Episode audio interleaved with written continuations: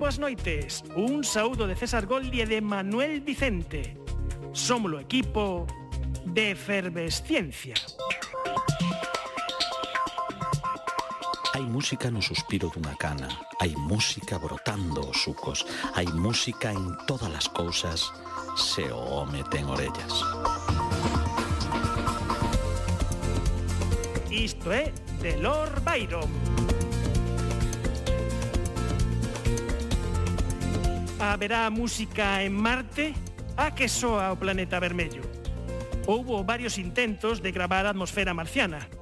O micrófono da Mars Polar Lander perdeuse na martizaxe e o do Fénix simplemente non funcionou.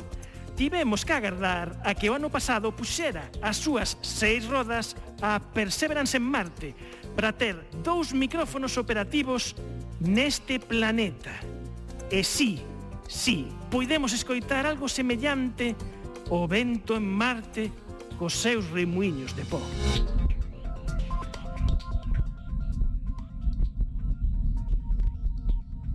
Pero Marte é moi silencioso. Os únicos ruidos que se atopan son os do propio rover.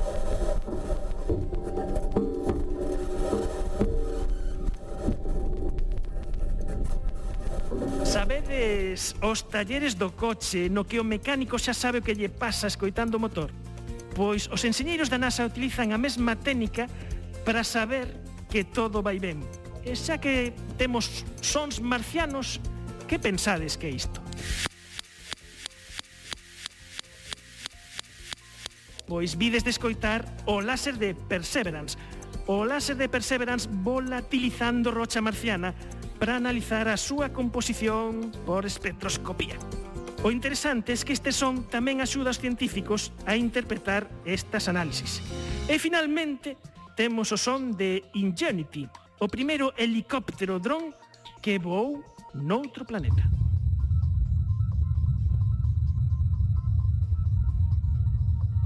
Non ten nada que ver, absolutamente nada que ver, co son dun dron na Terra. Os investigadores da NASA coñecían a distancia que había entre Ingenuity e o láser os micrófonos e deste xeito calcularon experimentalmente a velocidade do son en Marte. A sorpresa foi que en Marte hai dúas velocidades para son. Unha pros agudos, como láser, que viaxa entre 246 e 257 metros por segundo e a outra pros graves, como sons do helicóptero, que viaxan a 240 metros por segundo. Estes datos publicáronse a principios de mes en Nature.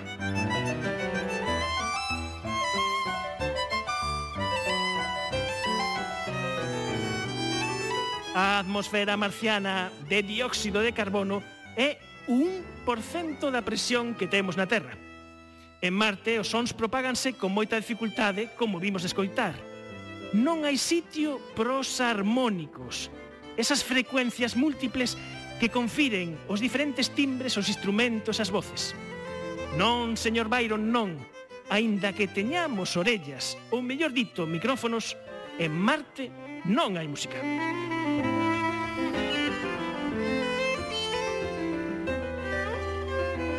A conclusión que podemos sacar é que para a música o lugar importa, importa moitísimo. Por iso, esta noite os de Fervesciencia estamos no Centro Sociocultural de Santa Marta en Santiago para facer un monográfico con público dedicado ao ciclo de lugares e órganos sobre ciencia, tecnoloxía e música por un tubo.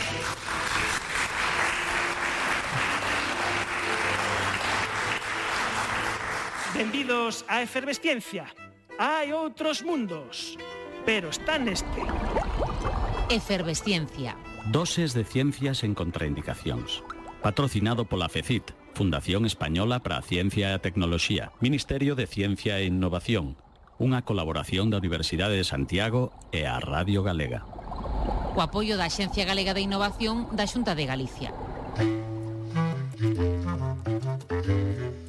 de lugares e órganos, música e outras paisaxes de Compostela. Belén Bermejo, moi boas noites. Boas noites. Belén Bermejo é a comisaria precisamente eh, deste, deste ciclo e falábamos da importancia dos sitios, dos lugares. Isto é fundamental neste de lugares e órganos. Os lugares e os órganos, como non, pero ademais que son dous elementos que están conectados directamente o un co outro. Órganos que son feitos para lugares eh, concretos. Son, son dous conceptos que van inescindiblemente unidos. En este ciclo que se fai en Compostela é un sitio ideal para gozar da música dos órganos, porque temos quizáis a mellor colección de órganos que temos, polo menos en Galicia. Bueno, temos unha boa cantidade das, das non se pode dicir sempre a mellor, mellor, pero das mellores que temos e eh, bueno, moitos órganos, en moi bo estado ou que foron obxecto de moi boas restauracións, e si, sí, temos, temos moita riqueza patrimonial. E que é isto de patrimonio silente? Patrimonio silente é un concepto que mm, inventamos dentro desta programación precisamente para recuperar eses espazos nos que outrora houve un instrumento, un órgano que xa non existe pero que deixou moitas veces incluso a pegada do, do espazo, do lugar onde estaba eh, ese órgano totalmente perceptible eh, e bueno, pois eh, ese patrimonio silente nos, nos sigue de alguma maneira iluminando eh, so, tamén sonoramente eh, para, para acudir a eses espazos donde outrora houbo músicas e houbo memoria musical. Ajá, como por exemplo, eh, Nosa Señora eh, da Mercé. Sí, en Conxo, no, no, no que foi Mosteiro, pois sí, temos aí un patrimonio silente, xa desgraciadamente non existen os órganos que houbo noutro momento, pero aí intentaremos recuperar este ano precisamente esa, esa memoria traendo un órgano para que soe no que foi ese espazo musical. Órganos que eh, moitas veces hai esa asociación de música de órgano a música de outros séculos, pero o órgano é un instrumento tamén que pode ser contemporáneo. É contemporáneo porque sigue, sigue eh, producindo son dous eh, séculos ou os séculos que, que leva en pé eh, eh, sendo un instrumento musical plenamente operativo, moitos deles, xa digo, restaurados, pero, pero sí, eh, sirve para facer música, por suposto, do tempo na que o órgano foi construído, moitos deles dos que temos nesta cidade son órganos barrocos ou xa do século XIX, pero que responden a unha tipoloxía barroca, pero tamén se pode facer música de séculos anteriores, se pode facer música medieval do século XV e, por suposto, música contemporánea, que tamén é o que se pretende neste ciclo, levar o órgano tamén eses órganos antigos á contemporaneidade. Os órganos que sempre temos tamén esa imaxe dos eh, grandes eh, órganos, pero tamén ides eh, neste ciclo tamén veuse un órgano portativo. Sí, é un moi curioso instrumento, un órgano medieval que se utilizou durante os séculos, séculos da, da Idade Media, esmoreceu xa co Renacemento, e que é un órgano de pequenas dimensións, portativo, pero igualmente sorprendente en canto ao son que é capaz de producir. Pois estas son as cousas que están pasando en Compostela durante estes días no ciclo de lugares e órganos que saides pola sétima edición. A sétima edición, sí, se hai dúas edicións que tivemos que trasladarnos as, ao verán por mor da pandemia e agora recuperamos a, o que foi a nosa, o noso momento vital, non? Uh -huh. que é a Semana Santa eh, bueno, que, que nos estea escoitando, eh, non sei se quedará algunha entrada para algunha das, dos, eh, das actividades que quedan para domingo, algunha cousa, bueno, alguén, se pode se intentar. Sí, sí, aínda cada vez menos, pero aínda queda algunha. Belén, nos encantadísimos de estar aquí con, con Bosco, igual que como estivemos hai dous anos nese programa especial no que inauguramos esta colaboración que fixemos desde a Igrexa da Universidade, pero agora Resulta que estamos nun centro sociocultural. Non temos órgano portativo, pero temos algo que se lle poda semellar.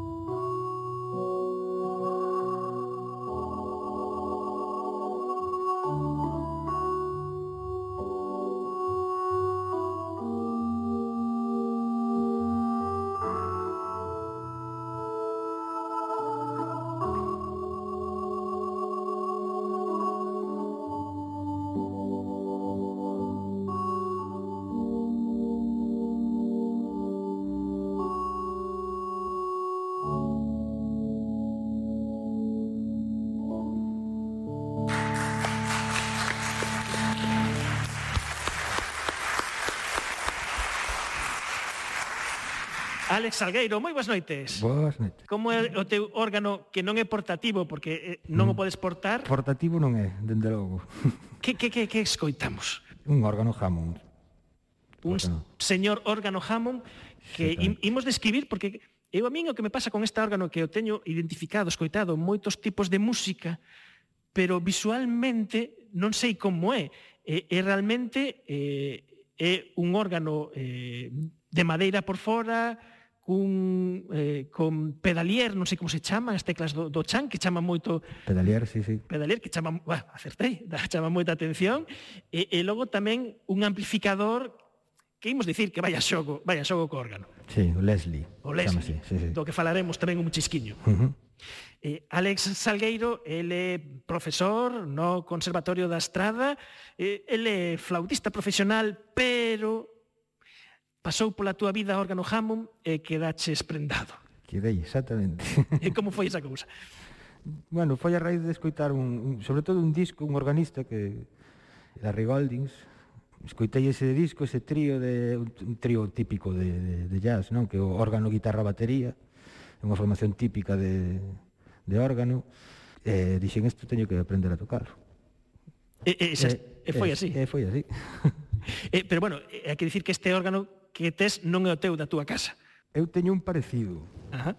Teño un, este é un B3, eu teño un C3, que basicamente por dentro son iguais, pero cambia o mueble, o que a, a forma cambia, pero é, é o mismo, exactamente o mismo. Casa que pos concertos, evidentemente, non vou con outro, con un sucedáneo, xa digital, Claro, porque... Que, que eh, se pode desplazar por, con el por aí.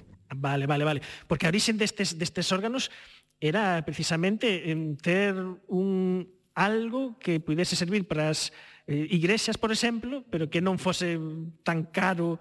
Como, eh, tan... Sí, es, en principio parece ser que esa era a idea non do órgano. De feito, bueno, o concepto de, dos tiradores tamén se asemella aos conceptos dos tiradores do órgano de, de tubos, non? E, e, en, e en, dos manuais, pedalier por os baixos, en principio esa era a idea que outra cousa que se usara para ao final o uso que se lle deu foi na música popular, claro. Ah, claro, claro, e esa é a gran o que podemos facer se che parece, xa que temos aí o o noso instrumento que vai ser o instrumento protagonista eh, desta edición efervescente é un pouco coñecer as súas peculiaridades e logo xa nos meteremos a fondo aí na ciencia mm, para para falar así a fondo.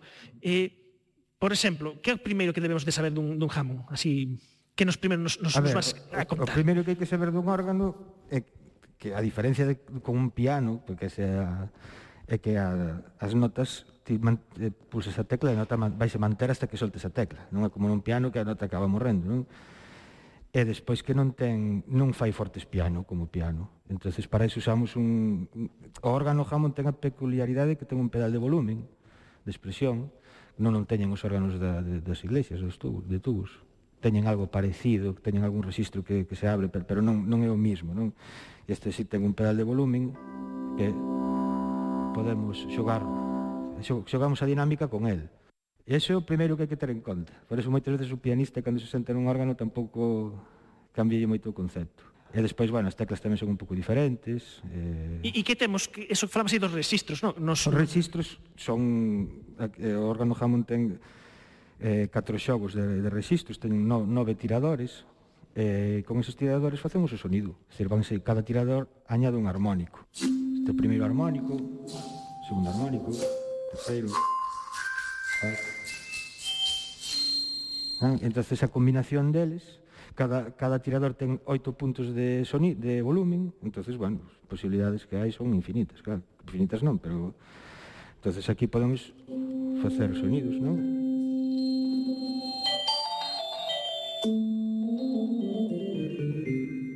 podemos ir diseñando sonidos. É importante ter en conta que este eh, órgano Hammond pode parecernos que é un instrumento electrónico, pero realmente non o é.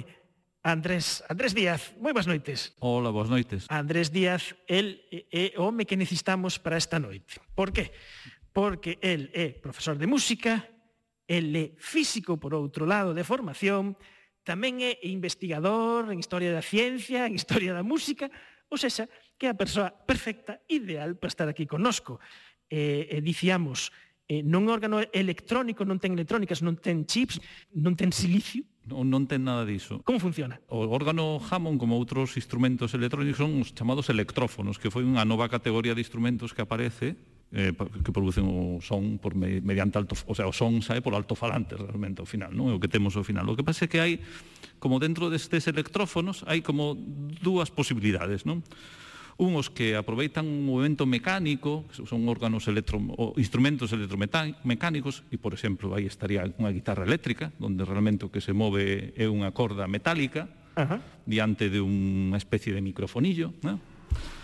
Eh, ese sería un que nos podemos deberíamos telo en mente un pouco para entender un pouco logo como funciona o órgano Hammond, porque está todo oculto, non o vemos, entonces hai que poñer a imaginación en traba a non sei, traballar. Alex, non sei se podemos destripar, non. Bueno, non sei, te... non sei, no, xa, imolo... Si, abrir a tapa de atrás e mirar un pouco. Intentarémolo, intentarémolo.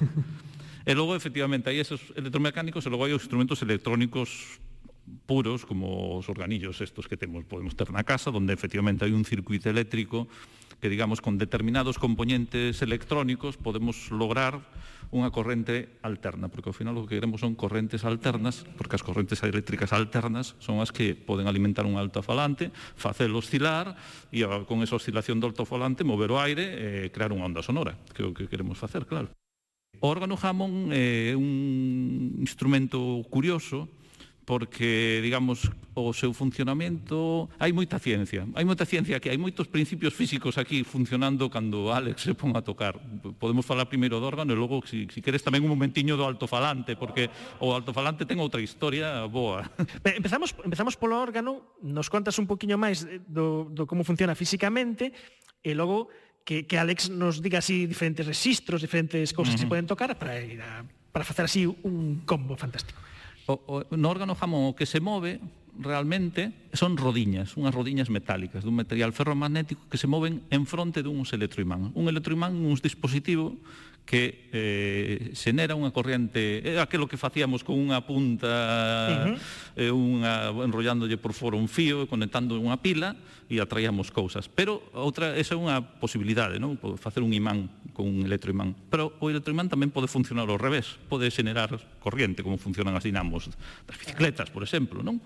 É dicir, si gracias ao movimento ou cambiando o campo magnético dentro dese electroimán, podemos xenerar unha corriente eléctrica. E quen cambia o campo magnético dentro dese electroimán? Nunha guitarra eléctrica, a corda que se move, eh? que está pasando por diante, unha veces o vai cambiar e vai creando unha pequena corrente nese electroimán. E no órgano Hammond son unhas, está cheo, ten unha, o que chaman tone wheel, o sea, como unha roda de tons, por cada tecla ten pois con unha rodiña que está xirando diante de cada anseo electroimán, o sea, por cada tecla hai un electroimán, eh, ao accionar con un motorciño, eh, a tecla realmente o que fai é pechar un circuito e lograr que se active esa roda e que xeneremos un ton con esa roda concreta. E según vamos presionando, eh, imos xenerando diferentes tons, diferentes notas. Como, por exemplo, Alex, a ver, ilústranos así de diferentes, por exemplo, diferentes efectos, por exemplo, que podes... O órgano ten a parte da, dos sonidos que se pode xenerar con cas, cas costiradores. Bueno, despois ten efectos que poden ter moito, tiña moitos instrumentos daquelas, que é o vibrato e o chorus. Non? O vibrato tamén que, que ten unha cousa curiosa física dentro que eu non entendo, pero bueno. Eh, por exemplo, o vibrato sería isto. Non vemos como como está vibrando, non? Ten tres tipos de vibrato, non? Cada un máis forte. Perdón, este é o choros, perdón. O vibrato é máis exagerado. Non? O choros fai un efecto así como como que sona todo máis coral, non máis máis xunto nada, temos un conmutador para cada manual, non? Para, para añadir ese efecto. E despois, os B3, os C3, non teñen os B2 e os C2, que é un, un set aquí de un efecto que se chama percusión, pero non é unha caixa de ritmos, como, podría, como se podría pensar. É un harmónico que se añade, cando tocas a tecla, añades un harmónico, pero que xa morre. Bueno, harmónico, vamos a explicar, porque dixemos harmónicos como 15 veces no que levamos de programa, incluso en Marte, o sea, ese armónico é o que non se pode escoitar en Marte, que cando ti das un do, tes esa nota, esa do, ou, por exemplo, un la, 440 hercios de vibración, pero calquera instrumento, aparte de dar ese la, dá múltiplos desa frecuencia, e iso que nos proporcionan o timbre. Esos son os armónicos. Sin, sin a voz humana e a todos os instrumentos. Se si non houbera armónicos, como lle explico a vos rapaces, a música sería en blanco e negro. Como Marte, música en blanco e negro como Marte, que non se escoita nada. Sí, a ver, eso, por exemplo, ahora teño os, os tiradores todos cerrados, non, eh, en principio non, non debería haber sonido, non hai, e o que falla o, o efecto este de percusión é, xa morre. Vale, este sí que non se mantén. Entonces isto o, o que falle para mm, cando estás tocando, non eh añádelle máis máis ataque ás, ás notas, non? É simplemente para añadir un ataque. Eh, agora está sin, sin os tiradores abertos, pero cando se os abro, eh, se o quito cambia moitísimo o sonido, non? Entonces, eso, bueno, con eso pode generar moito máis ataque, claro, porque tes, tes o, esa, esa nota que, bueno, tes tamén varias formas de poñela, pode ser máis forte, o, o decaimento pode ser máis, máis rápido, tamén, bueno, ten, ten esas... Isto é moi importante, verdad, dentro do que é o... Que eh, Hammond é polo señor Hammond, non? Sí, sí, Lawrence Hammond. Sí. Eh, claro, que isto eh, o, o órgano, polo que teño aquí apuntado, é eh, de 1935, Sí. 1935, va, que, que digo, a, a patente de 1934. 1934, claro, que durou como eso, uns 50 anos ata que eh, se deixaron de vender eh, estas eh, estas maravillas, pero sei que que hubo algúns dos, dos sons, dos efectos que, que, que se facía co órgano que a Hammond non lle, non lle non estaba de acordo, non lle gustaban, pero os músicos sí que lle gustaban. Sí, bueno, primeiro que non lle gustaba era ese cacharro. o altavoz. este cacharro que vamos, pero vamos a decir que este cacharro eh, sería, vamos a describilo, eh, digamos que é como, non sei, un prisma de máis dun metro de, de altura como un bo baúl destes que saían nas películas que andían de nos transatlánticos pois é equivalente conectados con uns cantos cables que é o, bueno, o pequeno bafle que necesita o, o, o, o jamón que é un Leslie Un Leslie, sí. É o altavoz. É o altavoz que se usa é, van asociadísimos, é dicir, non, non podría existir o Hammond sin o Leslie. Ajá. Outra cousa que a Hammond non lle gustaba este... decía que enturbiaba a súa creación e o sonido de súa creación. E, a, e aos músicos lles encantaba. Claro, sí, sí. Que, que ten de especial o, o, o Leslie? Este Leslie, o da batalla é moi divertida, porque unha batalla tecno, ou hasta batalla tecnolóxica entre os dous, porque Hammond iba cambiando os enchufes de saída sí, do seu órgano sí, no, feitos... para que os Leslies non se podía, para que o señor Leslie que vendía os Leslies non se puderan enchufar os órganos. Iba ah. cambiando as clavisas, cambiando os, eh, os tiveron unha guerra aí o sea, con tecnolóxica Mac, divertida. O sea, con os Macs o sea, eh, xa é, xa é anterior. Sí, é eh, peor. bueno, eh, Eh, Leslie eh, escoitou un órgano, era outro enxeñeiro como Hammond, escoitou un órgano eh, Hammond eh, nunha sala, a mellor pensemos nunha sala como esta con un alto falante diferente. E logo na, nas casas non resoaba tanto, el quería crear un, que resoasen tan ben como soaban nas, na, na, nese, nese espacio onde el o, o, o escoitara. Entonces, ideou uh, este altofalante que ten algo de especial que aproveita o efecto Doppler, nin máis nin menos. Estamos un altofalante que funciona, fai unha especie de trémolo e, unha, e esa especie de eco, ese efecto como de sala que produce é gracias ao efecto Doppler. O efecto Doppler é iso que nos sucede cando escutamos pasar unha ambulancia, que cando se achega nos o ton nos parece máis agudo e cando se alonxa máis grave. O efecto de compresión e distensión, por así decirlo, das ondas sonoras en función da, da velocidade con respecto a nós que se move a fonte co emite. Entonces, como fixo ese... Bueno, a idea, a verdade, que é genial, porque o que fixo Leslie é que nos altofalantes que temos na casa normalmente hai como un altofalante para os agudos máis pequeniños que se chama Twitter, esta a terminoloxía inglesa aquí funciona eh, é eh, sí, sí. casi y, imposible de evitar. É un máis grande para os sons máis graves que se chama o buffer. Eh, eu creo que incluso a mellor o público non sei se o poderá ver, pero arriba do Leslie hai como dous conos, dous, hai dous altofalantes, son os Twitter, que están xirando. Ao estar xirando, unha veces están máis cerca de nós, outra máis longe, máis cerca, máis longe, máis cerca, máis longe, máis cerca, máis longe, aí fai unha pequena oscilación no ton. Onda. Eh? Eh, eso é o, o Twitter. E abaixo o buffer está apuntando cara abaixo cara a unha especie de caixa de resonancia, por así, para non liarnos moito, que tamén está xirando. entonces a, o rebote do son, unha veces está máis cerca de nós, máis lonxe, máis cerca, máis lonxe, máis cerca, máis lonxe, e hai como unha ondulación, uh, ese que é o efecto que se logra co Leslie e que fai, si xa o órgano Hammond soaba ben, xunto co Leslie unha combinación, eu creo que absolutamente brillante, vaya. Eh, eh, podemos escoitar eh, sí, diferentes sí. tipos de, de músicas que, que se apropiaron aí do ou defectos. A, que, que? a ver, onde se usou eh, onde moita xente xa pensa no órgano Hammond e no gospel, evidentemente. E aí esa conmutación de Leslie, de, porque Leslie ten tres posicións, non? de velocidade, ten unha que para, en parado, que como está ahora, despois ten o chorale, que le chaman que lento, non? Que...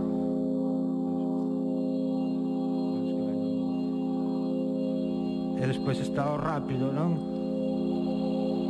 E xa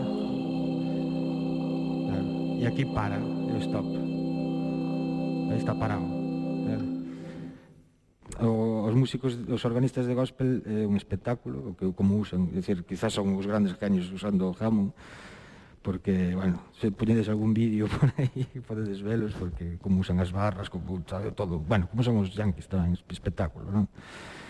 eh, bueno, algo así usan moitas veces este xogo de mm, os, os tiradores a tope, non?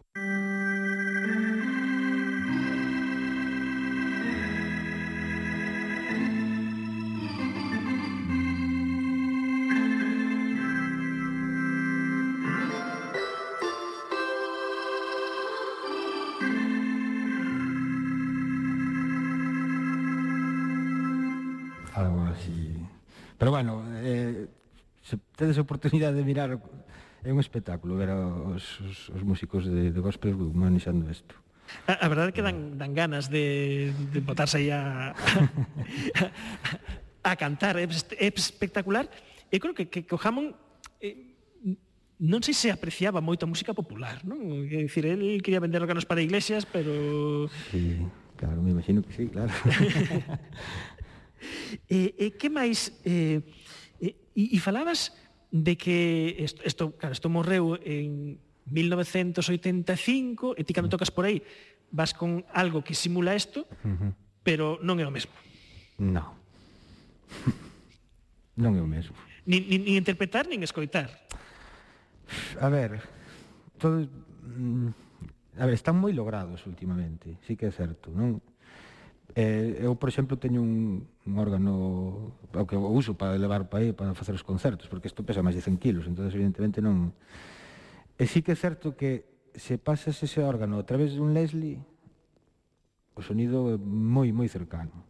Porque o que dicías antes de imitan todas, por exemplo, un dos efectos que creo que tú mencionabas a ese, o, o key click, que lle chaman, que isto, eh, como un, unha distorsión que, que se fai cando pulsas unha tecla hai como un, un ruido isto, non que iso E eso sí que Hammond creo que o quitara, que chegou a quitar, e os músicos volveron a pedir, porque querían ese efecto. Non? E os, os órganos de ahora que compras, os, os, os simulacións, teñen unha rodiña para darlle máis ou menos ese efecto. É dicir, que ahora mismo están moi logrados, pero claro, a sensación non, nunca é a mesma, claro. logo Andrés, que, que estes órganos de algún xeito viñeron a buscar un nicho de mercado que había como mm, non sei, pois nas iglesias que non se podían permitir un órgano, pois a mí, a mí é un modesto armonio. Claro, claro, este este instrumento, eh, bueno, pensa que no a patente dixenche que era do 34, a finales dos anos 30, o sea, 5 ou 6 anos despois fabricaban eh 50 por semana. O sea que... Isto é pura, pura artesanía. Eh, sí, claro, eh, bueno, que isto mm, por dentro un espectáculo, porque tecnoloxía dos anos 30, electromecánica da boa. E, efectivamente, este instrumento podía podía sustituir a eses instrumentos que son tan caros de manteñemento, anda que me acabo de enterar que isto tamén ten, hai cada ano ten que pasar casi, hai que darlle un repasito que en eso é totalmente similar aos órganos de igrexa, que, que tamén hai si sí, hai que botarlle aceite, hai, todos é que teñen... Por, é que por atrás tamén teñen eh, coido como unha centralita esta de destas de dos teléfonos que pa parece, parece, porque que conectas un lado con outro e podes no, por detrás teñen un, un cable, porque isto aquí ten un un unha octava non, do teclado con teclas invertidas, non? Están as negras, as blancas son negras, as negras son blancas pero non son tec, son conmutadores, non son teclas. Eh, son para conmutar as diferentes xogos de barras, e despois al, outras son sonidos que veñen feitos, non presets que lle chaman, non? E eso sí que veñen feitos con ese panel que ten detrás e son as combinacións de, de xogos de, de, de tiradores, claro. E seguimos.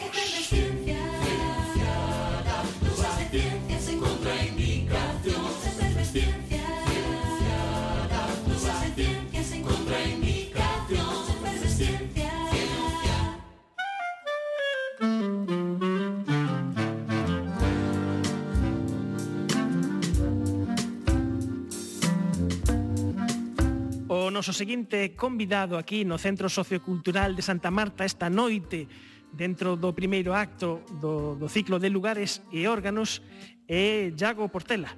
Iago. Hola, buenas, buenas noites. Iago Portela veu acompañado desto que temos aquí eh, diante de, do noso público que si, si falamos do espectacular que pode ser traer un órgano Hammond un órgano sound pois xa é o que non hai que temos aquí diante pois unha caixiña pequena de madeira da que saen cantos tubos? 56. 56 tubos, o máis longo pode ter metro, non sei, metro metro metro 30 e algo. Metro 30 algo e este é, atención, é un instrumento, un altofalante que diseñou o teu pai eh, Juan Portela Seijo precisamente hai 50 anos. Susto, se cumpre 50 anos ahora. Estamos no aniversario do órgano Sound, que digamos que é unha invención que reproduce música dun xeito espectacular. E ora imos facer un experimento, imos ou seguir facendo experimentiños ou cousas. Imos demostrar como, como sona o, o órgano sound, pero, eh, claro, os que nos escoitades nas vosas casas e estes difícil valorar esa, esa diferenza. Pero o público que estades aquí non. Ides vivir unha experiencia, eu coido que totalmente inmersiva. Imos probar e logo imos preguntar a alguén do público que faga un pouco de testemunha, de tes testemunha auditiva que nos diga pois que lle parece. Bueno. Estamos nas túas mans. Vale, primero quiero dar las gracias a Alex por lo del órgano Jamo, porque me, me, me recuerda muchísimo, porque nosotros fuimos vendedores de órgano Jamo. Ay, sí. Sí. Y era espectacular y siempre, y sigue siendo espectacular. No, hay, yo creo que no hay un sonido mejor que el, de Jamo. Jamo tenía, empezaba en España, estamos hablando de los años, sí, 70 y algo, y a nosotros nos invitan a Barcelona a un curso de ventas de órganos Jamo. ¿no? Yo disfruté, no se vendía mucho porque eran caros, no, lo siguiente, como se dice. Y después tenían uno, cuando ya fueron avanzando y tal, avanzaron a uno pequeñito con caja de ritmos, que casi no había cajas de ritmos en, los instrumentos, no existían. Entonces tenían, y, los distintos sonidos, violín, flauta, mm, a- arpa, tal, y entonces, bueno, era muy, muy curioso, pero eran muy caros. Y en lo referente al, al altavoz este de tubos, esto quiero decir que, por ejemplo, en la época de la generación de mi padre, todo el mundo se preocupaba por una cosa muy importante que ahora estamos dejando de lado, y es la alta fidelidad o llamemos que el sonido sea lo más fiel posible. Y esto, bueno, se está perdiendo. Y a mí me da mucha pena yo intento que esto no se pierda. ¿En qué sentido? Eh, nosotros somos unos privilegiados con toda la tecnología que tenemos ahora, pero imaginaros 50, no, 100 años o 80 años atrás, que una persona iba a bailar o iba a divertirse con la banda de música, pero aquellos, el- la banda de música cortaba y la fiesta se acabó. Nosotros no, nosotros podemos seguir la fiesta, tenemos tocadiscos, tal, tal, tal, pero antes no. Y entonces, pues nació pues, el magnetofón, que se podían ya grabar, mi tío inventa ese magnetofón con un hilo de acero, tal, y después viene todo lo que es la música, ¿no? la música enlatada. Y esa generación se preocupa muchísimo de lo que oían en la banda de música, poderlo llevar a casa y que sonase igual. Y todo, todo el mundo giró en torno a perfeccionar los instrumentos. Los instrumentos por un lado y después, por otro lado, pues la forma de reproducir la música. Mi padre pues, colaboró con un altavoz distinto, o sea, eh, si os dais cuenta, hay poca investigación sobre la acústica del altavoz. El altavoz llegó a ser cómodo y digo, hago una caja, meto un altavoz, perfecciono la caja, tal. Y a mi padre un día, por una, porque daba una charla en, Londres con la Sociedad Española de Acústica, se puso a estudiar la gaita. Y estudiando la gaita vio que el ronco, la longitud del ronco era más grave o menos grave. Me dijo, vete ahí a Villaverde, tráete, tráete unos tubos. Y bueno, ¿unos tubos de qué, papá? De lo que es que ataron los tubos me, mandó poner, tirar en, el suelo un altavoz, poner los tubos encima, suena distinto, sí, sí, vale. Entonces fue para, para, su despacho, empezó a calcular octavas, tal, tal. Y durante una temporada muy larga, eh, la tienda del taller se convirtió en un carpintero que estaba allí todo el día haciendo cajas de madera, de fimapán, y cortando tubos, y haciendo distintos modelos hasta que sonase bien. Yo con esto, que bueno, pues es una forma, como él dice, y como dice ahí ese, el, el catálogo, dice, un sonido natural. Sonido Por, como la propia naturaleza. Sí, natural. Y es, bueno, que la gente lo juzgue, ¿no? Cuando podamos, podemos poner algo aquí para que... para que... Pois pues facemos unha proba, unha proba así pequeniña, sí, sí, unha pequena degustación do, do son como a propia natureza deste catálogo que teño nas mans que está impreso en, no ano 1973 que é un ano moi interesante, que naceu xente moi ben interesante daquela. Ben,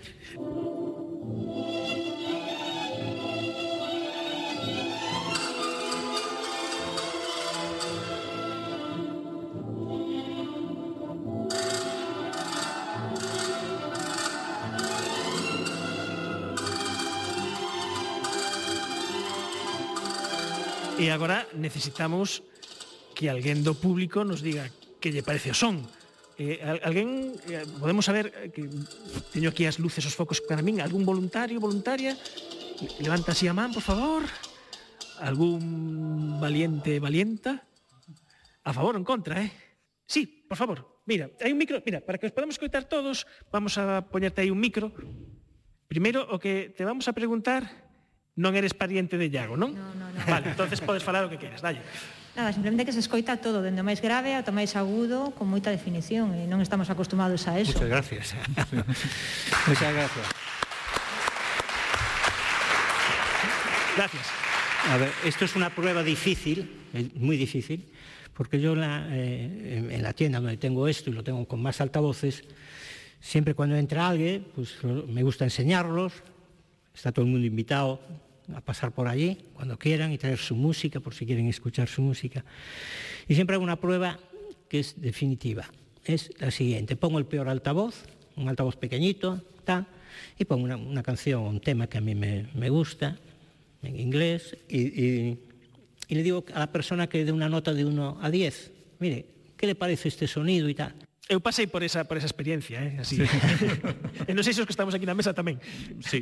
Entonces todo el mundo no falla, bueno, no falla, alguien sí, pero un 98% no falla, un 7. Yo a veces ya tengo así los, dedos así puestos, un 7. Bueno, yo le digo, mire, dentro de un momento, a lo mejor, fíjese bien lo que ha dicho, le ha dado un 7, dentro de un momento le va a dar un 0 o un 1. Y siendo generoso, un 2 Buah, imposible, esto es imposible, ¿cómo le voy a dar un 2 a esto que estoy no Entonces, esa prueba es, muy importante.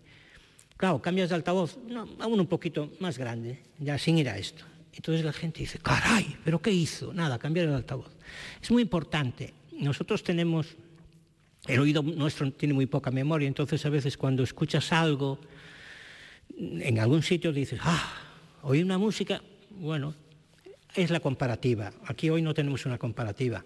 Si la tuviésemos, pues sería importante, pero bueno, veo que has matizado muy bien los términos y, y es así, es mucho más, bueno, máis natural o sonido. ¿no? Pois, eu coido que chegados a este punto, e logo seguimos conversando un poquinho máis nos minutos que nos queden, eh, podemos chegar ao momento de facer un pequeno concursiño co, co público que temos aquí, Eh, temos uns, pre uns premios aquí, como sempre, espléndidos. Estamos no mundo calendario e resulta que, claro, nos mandan eh, calendarios. Mira, nos mandaron este desde a Universidade da Coruña, desde a Unidade de Divulgación Científica, que é un calendario escolar eh, 12SIC, que está editado eh, en galego pola Universidade da Coruña e tamén desde Coruña nos mandaron os nosos amigos da agrupación astronómica eh, IO un calendario de mulleres científicas en astrofísica, tamén edición galego, Son os nosos fantásticos premios que podedes gañar mm, participando, necesitamos eh, dúas persoas que, que queran xogar un poquinho connosco. Eh, non sei se, Alex, nos podes dar así como unha sintonía de, de concurso.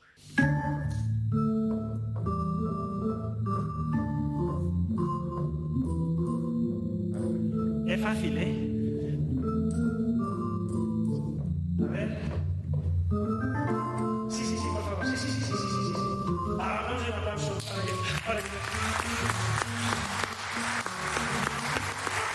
Mira, a persoa que ven contigo tamén, se pode vir. Non sei se queres xuntas.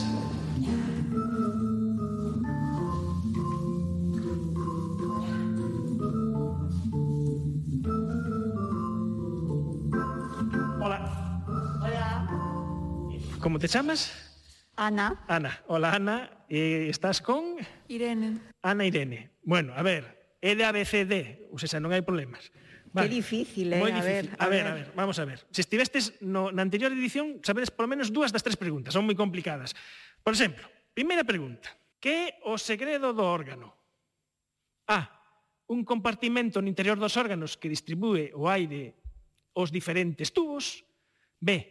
Unha técnica de interpretación medieval que considera como que se considera como perdida na actualidade. C unha peza profana que se interpreta de propina ao final da misa do domingo de Pascua nas igrexas bávaras, ou de un tubo de graves que emite intrasón, infrasóns que non son audibles polo público, pero que xera unha sensación corporal agradable para a audiencia. Vale, que é o segredo? Poñen unha música de misterio, se queres, eh, se queres. Se queres sí, sí, sí, dolle, dolle, dolle. A, B, C, D. Como vedes? Quedámonos coa participantes indiferentes. Ti, Ana no A. E, e ti? A. A, o A. Pois a resposta é o A, un compartimento no interior dos órganos que distribúe o aire aos diferentes tubos. Mas se sabedes tanto de órganos, non sei por que estabades sentadas. Por favor, con estes calendarios, home, estamos en abril.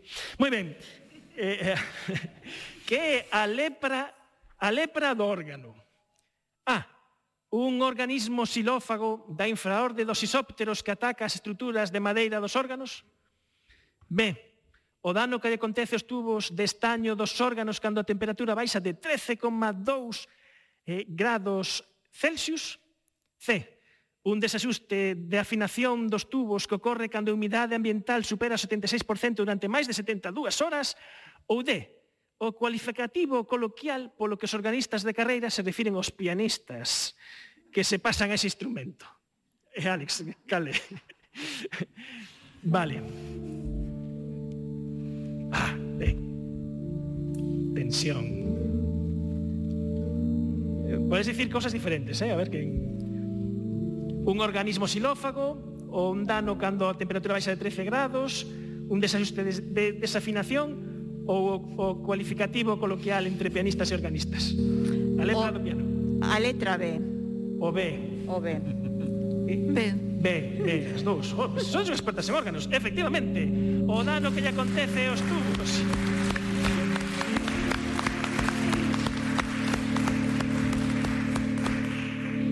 Bueno, Andrés, ilustración, isto xa contamos hai dous anos, pero a mí encantoume o da lepra do, dos órganos. Sí, sí que que lle acontece os, os tubos de estaño? Un cambio de fase eh, na, na, na, de fase metálica, non? Que, que a, por riba desa temperatura o estaño é pues, sólido, digamos, resistente, ten unha certa consistencia, así para falar rápido ben, e por baixo, pois desfaise, cambia de fase a estrutura atómica, eh, desfaise. Entón, eh, Por eso, en parte, leva os tubos non se usan só de estaño, senón que era unha pequena porcentaxe de chumbo para, para evitar ese efecto. Temos que dicir ben estas cousas porque anda por aquí Manolo Bermejo, sí, eh, profesor catedrático de química inorgánica, que como decimos mal estas cousas, pois bueno, vamos, saímos xa correndo todos. Vale. Vale, a terceira é a definitiva. Vale, con esa veremos que, que leva o calendario. Vales empatadas, dos dous, en fin. Eh, damos así algo así, algo para... Vale, vidilla? Oh que demanda judicial tivo que atender en 1936 a Casa Hammond? Unha demanda dun fiel dunha igrexa que mollou con agua bendita órgano e que logo sufriu unha electrocución da que sobreviviu? Unha demanda dos fabricantes de órganos de igrexa por publicidade enganosa? Unha demanda das igrexas baptistas por considerar este órgano un instrumento do diaño? Ou unha demanda do sindicato de pianistas de Illinois por competencia desleal?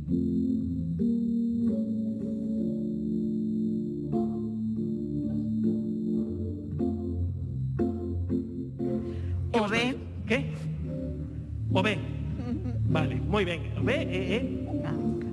Cen. Perdón? Cen. O C. Vale, pois o C, unha demanda ás esas baptistas por considerar este órgano instrumento de año non é o B.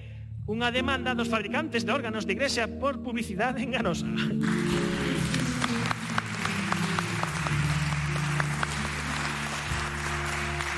bueno, nada, levades os do... Eh, por mil, moitas gracias, levades un feixe de calendarios cada unha das dúas. Moitas grazas. Graciñas.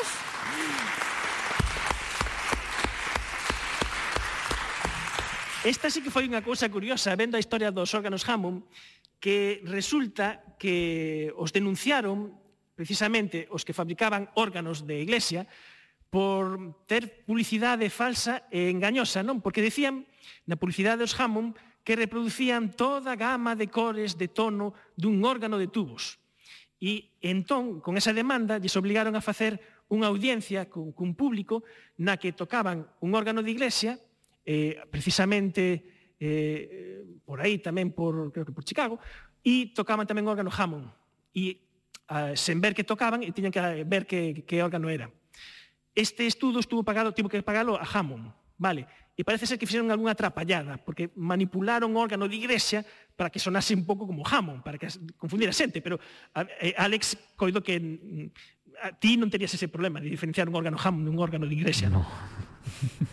Eh, Andrés. Non, tampouco, tampouco. Hai que dicir unha cousa que eh, o Hammond, cando estaba diseñando o seu órgano, usaba de, con, eh, de, de, de axudante para sacar o ton a unha técnica que tiña ali na súa compañía, que era unha, unha muller, a señorita Laje, que era organista de igrexa episcopal da barrio e o usaba, o sea que mm, como ves, o, a relación sí que había, o sea que encántame, non coñecía esta anécdota. Pois está ben, porque ademais eh, resulta que ao final perderon, o sea, que decir, tiveron que quitar esa propaganda mm. porque decían que realmente eh, que, que creo que tiña os datos por aí, claro, eles decían que un órgano que costaba 2000 euros que valía máis que un de, de 10.000 eh, euros, perdón, dólares, que un máis de, de 12.000 dólares, eh, claro, que valía como, como os tubos de mm, os máis grandes que eles facían exactamente o mesmo. Tiveron que quitar esa publicidade enganosa, pero ao final eh, chegaron á conclusión de que a publicidade que lles fixo facer todo,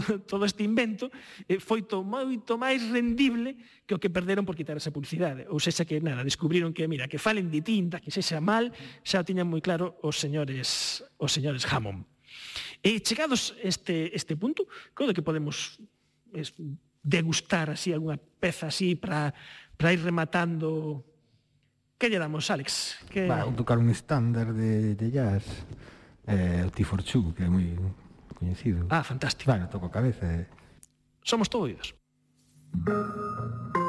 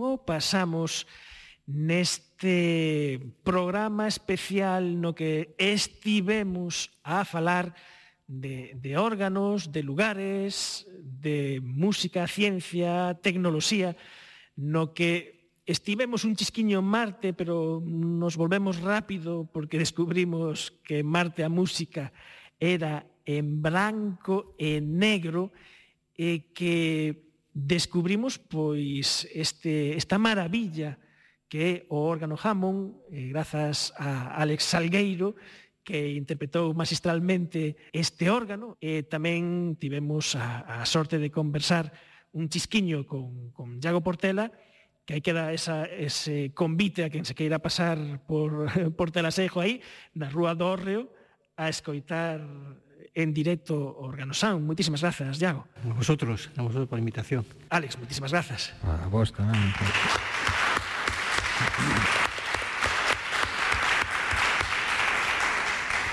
Andrés Díaz, encantadísimos de, de coñecer esas relacións da física e da música e, e bueno, E outro día falaremos tamén desas, eh, bueno, non, mira, que se me pasou, esas investigacións de persoeiros, organistas ilustres que redescubrides en, en Santiago. Sí, pois cando queiras estamos dispostos a falar sobre o novo organista que temos en Santiago. Frei Bartolomé de Olague. Sí, nun apelido pouco santiagués, pero era picheleiro de pura cepa.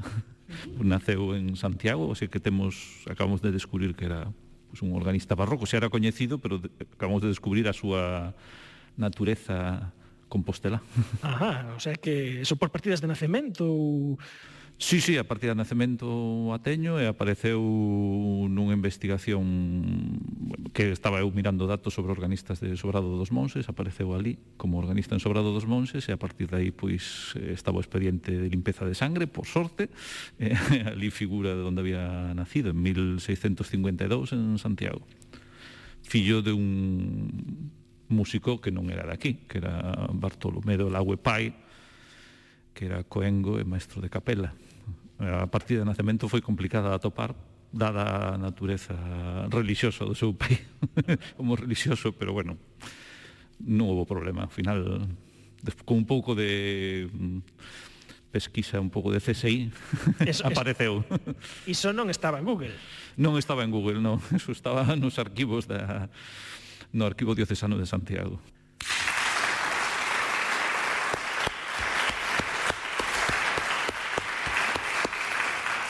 eh, Belén Bermejo, que é a comisaria de este de lugares e órganos, moitísimas grazas por pensar en efervesciencia para facer estas cousas que a nós nos encantan, de misturar diferentes culturas. Moitísimas grazas por estar conosco e convidarnos. Grazas a vos por sacar o órgano á rúa.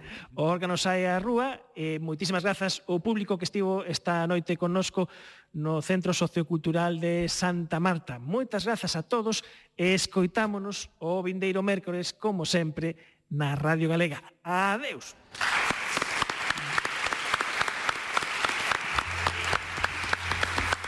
Efervesciencia. Patrocinado pola FECIT, Fundación Española para a Ciencia e a Tecnoloxía, Ministerio de Ciencia e Innovación, unha colaboración da Universidade de Santiago e a Radio Galega. O apoio da Xencia Galega de Innovación da Xunta de Galicia.